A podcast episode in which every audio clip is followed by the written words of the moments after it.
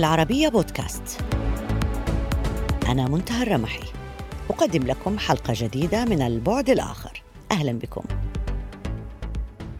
في نهاية القرن التاسع عشر ومع الطفرة الهائلة التي حققتها الثورة الصناعية في حياة البشر ظهر في عالم الأدب اتجاه جديد هو الخيال العلمي.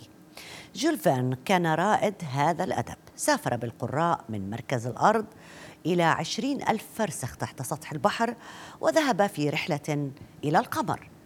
كانت رحلاته تجمع بين العلم والتسلية. قدم أفكارا رائدة ولكنه لم يكن صاحب رؤية سياسية في كتاباته. ثم جاء بعده اتش جي ويلز ليبني على ما أنجزه جول فيرن ويخلق فنا ادبيا يجمع ما بين الخيال العلمي والتحليل السياسي والرؤية الاستراتيجية الفريدة. في روايته الشهيرة The Shape of Things to Come أو شكل الأشياء القادمة التي كتبها عام 1933 تمتد أحداثها حتى عام 2106 تنبأ بالحرب العالمية الثانية وبالتقدم العلمي الهائل وبأوبئة وحروب وأسلحة دمار شامل وحكومة عالمية.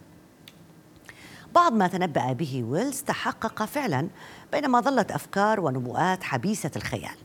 لكن الأجزاء التي تحدث فيها عن أسلحة المستقبل والمدن التي تباد بالقصف جوا جعلت البشر يصابون بالذعر بعد أن شاهدوا ما حل بهيروشيما وأدركوا القوة الهائلة المدمرة للطاقة النووية. وصمم المجتمع العالمي على ألا يقع مثل هذا السلاح ابدا في الأيدي الخطأ.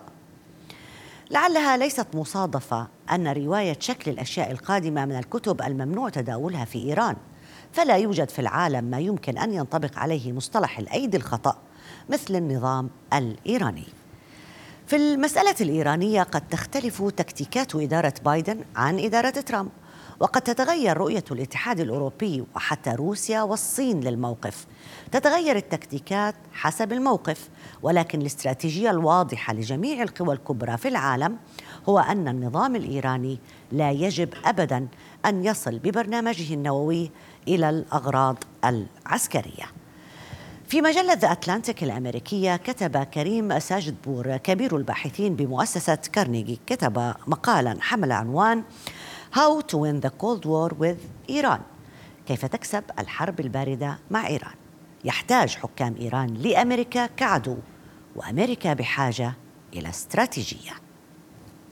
حول هذا الموضوع أرحب بضيفي من واشنطن الجنرال ديفيد باتريوس مدير وكالة الاستخبارات المركزية سابقا. أهلا بك معنا جنرال باتريوس. شكرا جزيلا. Great to be with you. أهلا بك. دعنا نبدأ من حتى نضع صورة واضحة لاستراتيجية أمريكا للمنطقة بشكل عام. ونبدأ مع إيران في التعاطي مع المنطقة التعامل مع المنطقة. لنبدأ مع إيران. هل هناك استراتيجية أمريكية واضحة في مواجهة إيران؟ أعتقد أن الاستراتيجية لا تزال في طور اللجوء وكان هناك فترة مؤقتة لمرحلة انتقالية لما كان آه، في عهدة الرئاسة السابقة على خلفية الحملة الرئاسية السابقة بين المرشحين و ولدى الرئيس بايدن فريق من المؤهلين وأصحاب الخبرات الكبيرة الذين بدأوا برسم ملامح تلك الاستراتيجية بصورة واضحة. وهناك مكونات كثيرة لهذه الاستراتيجية ومن المؤكد بأن هناك بعض الجوانب العسكرية والدبلوماسية وجوانب اقتصادية وتجارية وهكذا دواليك وكلها سوف تكون جزءا من تلك الاستراتيجية التي سوف تبدأ بالظهور قريبا وسوف نشاهد أيضا بعض المجالات التي قد تكون مختلفة عن تلك التي كانت إبان الإدارة السابقة. ولا سيما الجهود التي تبذلها إدارة بايدن في إشراك الحلفاء من من كافة أنحاء العالم أو لا سيما وقبل كل شيء في تأسيس نوع من المقاربة الحكومية المتسقة في مواجهة الصين فالولايات المتحدة ترغب بإقامة علاقات حيادية مع الصين ولكنها واقعية في ذات الوقت فيما يتخلص بجوانب بجوانب التنافسية لتلك العلاقة مع الصين. لكن مرة أخرى هذا سوف يكون محور التركيز والجهود. لكن من المؤكد بأن بأن الولايات المتحدة لا يزال لديها مصالح وطنية كبيرة في الشرق الأوسط برمته لضمان استمرار تدفق مصادر الطاقة في الخليج من الشرق إلى الغرب لأن هناك أعداد كبيرة من شاحنات النفط والوقود التي تخرج من المنطقة. فضلا عن المصالح الأخرى مع شركائنا وحلفائنا هناك في المنطقة. وأعتقد مجددا بأننا نرى بأن هناك نوع من التطور التدريجي لهذه التفاصيل. الخاصة بملامح الدول التي سوف تتعامل مع إيران ولا سيما في منطقة في منطقة العراق وسوريا وأفغانستان وشمال أفريقيا وبطبيعة الحال دول مجلس التعاون الخليجي. يعني خلينا يعني نتحدث في هذه النقاط واحدة تلو الأخرى. الأول العلاقة الإيرانية مع الصين. الولايات المتحدة الأمريكية بإدارة بايدن أعربت عن يعني عدم راحتها لهذه العلاقة. كيف تنظر الولايات المتحدة الأمريكية لشكل العلاقة الإيرانية مع الصين؟ ومدى تأثيره على دور أمريكا في مسألة ردع إيران من إمكانية امتلاك سلاح نووي في يوم من الأيام. هذه جملة من الأسئلة طرحتيها في سؤال واحد لكن أولا وقبل كل شيء أن مسألة تقييم الاتفاق الذي قد يبرم بين الصين وإيران لا يزال قيد النظر فهناك تفاصيل لا تزال لا تزال تظهر وهناك حديث عن اتفاق بقيمته ب 400 مليارات دولارات وهناك التزامات في مجالات متعددة والهدف الأساسي هو منه بأن تضمن الصين أسعارا منخفضة من النفط على أسس يمكن الوثيق بها مقابل مكونات أخرى من الجانب الإيراني. وهناك بعض الجوانب الأخرى التي قد تسمح تفادي بعض العقوبات المفروضة على إيران وهذا سوف يكون أمر أمرا مثار قلق للولايات المتحدة على وجه التحديد. أما فيما يخص في من منع إيران من الحصول على قدرات النووية من الواضح أن الولايات المتحدة وإيران ترغبان بالعودة لخطة العمل الشاملة المشتركة والاتفاق النووي. لكن السؤال المطروح من الذي سوف يأتي بالخطوة الأولى؟ لأنه يبدو أن كل من الطرفين يترددان في في التعبير عن رغبتهما في اتخاذ الخطوة الأولى ويبدو بأنهما لا يمتلكان التصميم الكافي لهذه الخطوة وهذا ما شاهدناه من خلال فريق إدارة بايدن المتمرس فهناك جيك سوليفان ووزير الخارجية أنتوني بلينكن وغيرهم من المختصين الذين عملوا في منطقة الشرق الأوسط. كلهم يرغبون بتأكد وضمان ما يمكن تحقيقه وليس فقط عودة لما كانت عليه الاتفاقية في السابق لكن نظرا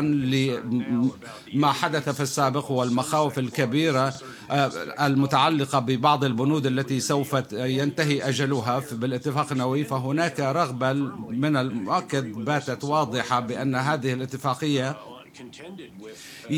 كانت قد جوبهت بجملة من الأنشطة الخبيثة التي قامت بها إيران من خلال ميليشياتها وبعض العناصر الأخرى في المنطقة. وهناك مخاوف كبيرة أيضا حول كيفية معالجة ذلك الوجه فيما يخص أنشطة إيران. وهناك مخاوف أيضا فيما يتعلق بالتهديدات التي تتركها إيران بسبب صواريخها البالستية وتطويرها.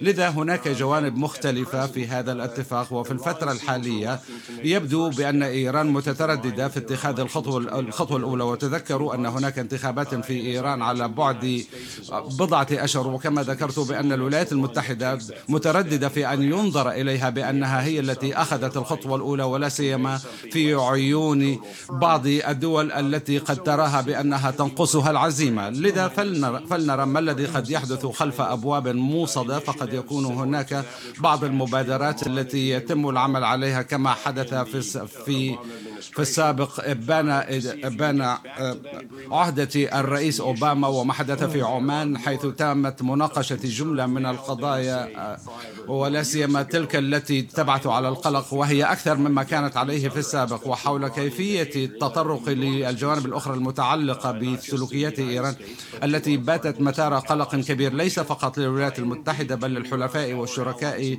في المنطقة ولحلفائنا أيضا في كافة أرجاء العالم. طيب جنرال أنت شخصيا لك باع طويل عسكري و سياسي في مجال الاستخبارات وفي مجال المجال العسكري. إذا أردنا أن نضع عنوان عريض لأزمة الولايات المتحدة الأمريكية مع إيران ما هو القلق آه، والأرق الذي تسببه إيران لأمريكا؟ هل هو آه، إمكانية حصول إيران على سلاح نووي فقط أم الأشياء الأخرى التي تطالب دول المنطقة بأن تتضمن في أي اتفاق نووي جديد أيضا تشكل تشكل قلقا لأمريكا؟ أعتقد أولا وقبل كل شيء فيما يتعلق بإيران فقد تم الاتفاق فقد تم الاتفاق بصورة عامة بأن إيران هي دورة غير مقتنعة بالوضع الحالي وهي تعمل على تصدير الثورة ونظام من هذا النوع. وهنا دعونا نتذكر بأن النظام الإيراني هو أكبر دولة راعية للإرهاب في العالم. وعلى هذا الأساس فإن نظاما من هذا النوع وامتلاكه لقدرات نووية سوف يكون مثار قلق كبير. والزعماء الأمريكيين من قبل الحزبين والذين اللذان توصلا إلى إجماع بأنه هذا هذا هذه الحالة سوف تزيد من التهديدات العسكرية ولا بد من الحقول دون حدوث هذا الأمر. ومن المفضل بصورة أفضل تفادي ذلك الأمر من خلال التوصل إلى بعض الاتفاقيات الدبلوماسية ومن المؤكد هذا هو الهدف الذي تسعى إليه هذه الإدارة. وفضلا عن موافقة بعض الشركاء الآخرين وهنا أتحدث عن الدول الخمسة زائد واحد. لكن مرة أخرى على خلفية هذا الأمر هناك أيضا احتمالات وبصفتي كنت قائدا عسكريا في السابق وكنت قد وضعت خطة عسكرية مختلفة آه، كانت الأولى من نوعها إنجاز التعبير. فهناك آه، فهناك بعض الخطط التي دائما سوف تكون متاحة إنجاز الأمر. إذا ونحن نرغب بكل الأحوال تفادي أي حرب. لكن هناك رغبة واضحة لرؤية إيران تمتلك قدرات نووية وتذكروا في هذا السياق بأن هذا سوف يطلق العنان لكافة الأنشطة. المزعزعة للاستقرار التي تعمل عليها إيران. ومن الصعب أن نصدق بأن دولا أخرى في المنطقة لن تقوم بالعمل هي الأخرى على تطوير برامجها النووية. وسوف يكون هناك انتشارا واسعا للأسلحة النووية وهذا يعد أمرا خطيرا ويعمل على زعزعة الاستقرار وسوف يكون له تكلفة باهظة. طيب مواجهة مثل هكذا سيناريو يمكن أن تقوم به إيران. أن تقترب من امتلاك السلاح النووي. بتعرف في تقارير تخرج أحيانا من إسرائيل تخرج أحيانا من جهات مستقلة تتحدث عن أنه الخروقات الإيرانية الاتفاق النووي الإيراني تجعلها كل سنة أقرب لإمكانية امتلاك سلاح نووي. ماذا ستفعل أمريكا في حال فعلا وصلت إلى هذه المرحلة إيران؟ أن تمتلك القدرة على إنتاج سلاح نووي. اولا لا أعتقد بأننا قد وصلنا إلى تلك المرحلة بعد وأحسب أيضا بأنه لا يمكننا أن نجادل بأن إيران لم لم تعد قريبة من هذه النقطة بسبب ما يزعم تخصيب اليورانيوم بدرجات تفوق العشرين في المئة وهذا الأمر يقربها بصورة أكثر من تخصيب الأسلحة النووية والتي تعد غير معروفة لهذه الأسلحة والتي بسبب الأجهزة التي تستخدمها ويمكنها أن تصل إلى أسلحة النووية ولكن يمكن للمرء أن يناقش أيضا وأن يقول أن إيران من خلال إجراءاتها التي اتخذتها فيمكن أن نفترض أن جزءا من هذه الأنشطة قد توقفت وقد تم التراجع عنها بعد أن قامت ب بعد أن قامت بالالتزام بالاتفاق النووي لبعض الأشهر لكن لكن سوف تحتاج إلى فترة طويلة لامتلاك سلاح نووي لكن إذا ما تبين بأن بأن إيران باتت على عتبة امتلاك سلاح نووي فمن المؤكد فأنه ما من إدارة أمريكية سوف تقبل بهذا الأمر وسوف تعتبر كافة السبل المتاحة لمنع إيران من الحصول عليها. مذكرا في هذا الخصوص بأننا لا نود فقط أن نتبع هذا هذا النهج النهج الحرب لا لكننا سوف نقوم بمجابهة إيران على أنشطتها التي تقوم بها في المنطقة مجابهة إيران حتى الآن جنرال باتريوس بالعقوبات العقوبات الاقتصادية بالحصار آه، آه، يعني هذه تاريخيا أثبتت انه إذا كانت الدولة لديها النية الحقيقية لامتلاك قوة نووية ستتجاوز هذا الموضوع بشكل أو بآخر، كوريا الشمالية على سبيل المثال. لماذا ستختلف إيران هنا عن كوريا؟ أعتقد أن بسبب ما قامت به كوريا الشمالية وبسبب عزيمتها التي أكدتها ومن خلال المواجهات التي أقدمت عليها الولايات المتحدة. هناك مساعي الآن من الإدارة الأمريكية لعدم تكرار التجربة وعدم سماح لإيران من تطوير أسلحة نووية. وهناك سبل كثيرة لوقف ذلك. وهذه لن تكون أيضا دون تكلفة كبيرة ودون تداعيات كبيرة وما شابه ذلك. لكن أعتقد مجددا بأن هناك كل الخيارات المطروحة على الطاولة وإيران تدرك هذا الأمر وكل إدارة أمريكية كانت قد رفضت من إزالة احتمالات استخدام القوة إذا ما إذا ما لزم الأمر. وسواء كان هذا بالنسبة للإدارات الديمقراطية والجمهورية التي التي كانت قد اعتمدت على مواقف من هذا القبيل سواء من قبل الإدارات المتعاقبة ومن خلال تأكيد وموافقة من الكونغرس. وأستطيع أن أؤكد لكم بأن العزيمة والإصرار من قبل الحزبين هي مؤكدة بأننا لن نصل إلى تلك النتيجة أبدا. نعم. كما سألنا عن القلق الأمريكي مسببات القلق الأمريكي فيما يتعلق بإيران نسأل عن نفس النوع من المسببات فيما يتعلق بتصرفات تركيا وهي دولة كبيرة ودولة إقليمية يعني مهمة جدا في المنطقة. فيما يتعلق بشرق المتوسط تحديدا تركيا جزء من حلف الناتو، ما تقوم به يضر بحلف الناتو بشكل أو بآخر. لماذا يعني نرى التعاطي الأمريكي مع هذا الموضوع وكأنه تعاطي آه، رخو تعاطي سهل أعتقد أن هذا الأمر يعزى لأن الوضع يعد معقدا للغاية فهناك علاقات متعددة وأنشطة مختلفة وبرامج كلها متداخلة فيما بينها هنا فهناك حلف الناتو وتركيا والشراكة التي توجد لتركيا مع هذا الحلف منذ عقود طويلة من الزمن. وهناك بعض الجنود من حلف الناتو الموجودين من قبل الناتو بعض منهم يقومون ب إجراء عمليات عسكرية لأمريكا داخل سوريا وإيران وفي مناطق أخرى في المنطقة. وهناك قضايا تتعلق أيضا بالمنظومة الدفاعية الروسية التي اشترتها تركيا وهذه وهذا هذا الاتفاق قد تسبب بعملية قلق حتى من قبل الكونغرس. كان هناك مخاوف كبيرة وكان هناك متطلبات لفرض عقوبات على تركيا بسبب ما يعرف بقانون كاسا الذي يتعلق ببيع أسلحة من وشرائها من دول معادية. لكن أن جل ما تقوم به تركيا قد يكون له أهمية من حيث مدى الجسر الذي يبنى بين الغرب وبين آسيا وبين المسيحيين والمسلمين. فهناك جوانب مختلفة كثيرة لا بد من أخذها في الاعتبار وهذه العلاقة تبدو مهمة. لذا يمكن أن نفهم المخاوف الموجودة من قبل الاتحاد الأوروبي ومن جانب الناتو والولايات المتحدة ودول أخرى لإجبار تركيا لتغيير هذا المسلك وهذا ما نرغب بالعمل عليه والعمل على حله في مرحلة من المراحل.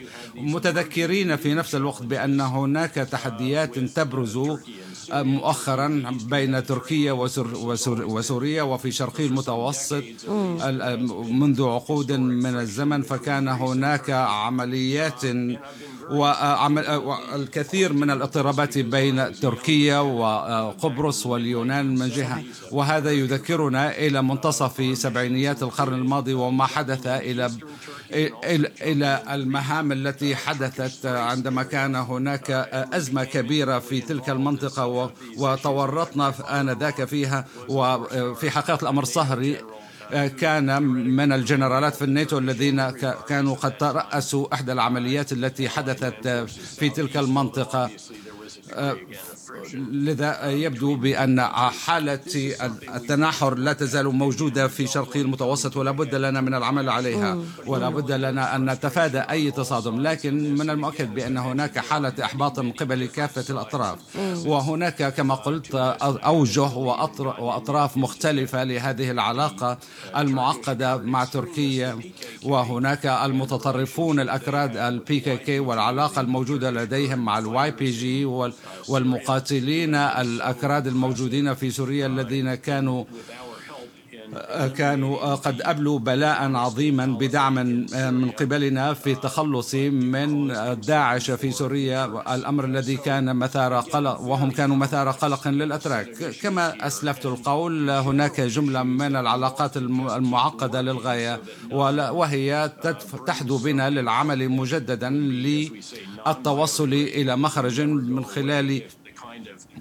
من خلال اتفاق أو من خلال قرار الذي قد يكون من الصعب أن نصل إليه في الفترة القريبة. جنرال باتريس سؤال سريع وباختصار. آخر سؤال يعني هناك مقولة أصبحت تتردد كثيرا.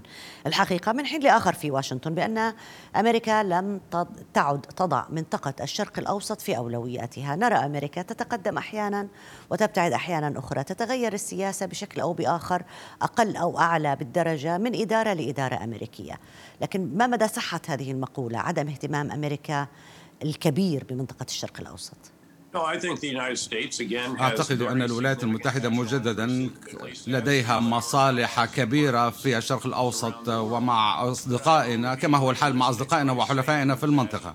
لكن دعونا نكون واقعيين ونقول بأن التركيز والجهود الأساسية الآن تنصب حول مسألة صعود الدول المنافسة الكبرى والاستراتيجيات القومية التي أطلقتها الإدارة الأمريكية. ومن خلال إدارة أوباما وتذكرون أن الأمر كان قد بدأ في عهدة أوباما من حيث إعادة توازن الولايات المتحدة في آسيا. وكنت قد سمعت هذا الأمر آه، ولا سيما عندما كنت أعمل في منطقة الشرق الأوسط.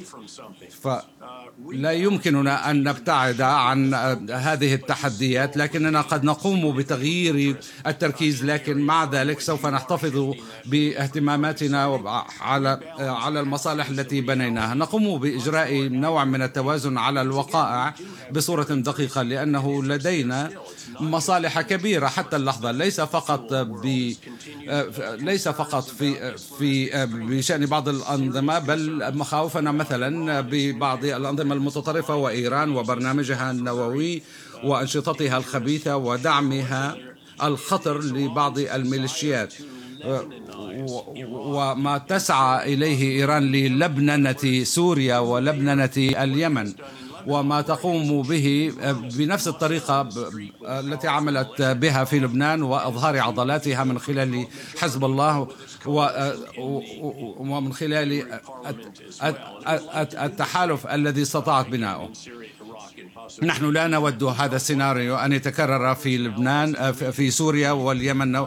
نود أن نعمل بكل تأكيد وكذلك الأمر شركائنا وحلفائنا في المنطقة لا يرغبون بذلك. لكن الاستقرار في المنطقة هو شيء جوهري لبلدنا ولحلفائنا وشركائنا وبقية دول العالم. لذا فهناك استمرار في الاهتمام آه، في لمصالحنا في الشرق الأوسط. وقد يكون هناك خطأ قد ارتكب في السابق عندما سعينا لوقف آه، تعاطينا ومساهمتنا في المنطقة. وهذا الأمر تم إدراكه آنذاك وأنه إذا ما أبعدنا أو إذا ما أبعدنا نظرنا عن مسألة آه، بطريقة أغفلناها فقد تكون هناك تبعات وهذا ما حدث بصورة فعلية عندما قمنا بسحب قواتنا الأخيرة من العراق فكانت العراق قد تحولت لتصبح إلى أفغانستان الأخرى. وفي هذه الظروف وفي تلك الظروف كانت العراق قد واجهت حربا آه، بين كافة أطياف وديانات المجتمع العراقي والأمر الذي اضطرنا للعمل سوية لمجابهة تلك التحديات وذلك أبان بدء فترة المصالحة التي انطلقت لمدة 18 شهرا آنذاك وقمنا بتعزيز الإجراءات التي تم تحقيقها وبسرعة قمنا ب ب ب بالتخلص من ذلك لكن القاعدة سمحت في مرحلة لاحقة لداعش بالنشوء في سوريا وفي مناطق أخرى في العراق. الأمر الذي دفعنا للعودة مجددا إلى العراق وإلى سوريا لمساعدة تلك القوات وتلك الدول والقوات العراقية وقوات سوريا الديمقراطية للتخلص من تلك الخلافة الإسلامية رغم استمرار وجود بعض التهديدات من قبل الخلافة من خلال بعض الجيوب الصغيرة والمجموعات الإرهابية. التي نراها بصورة دورية.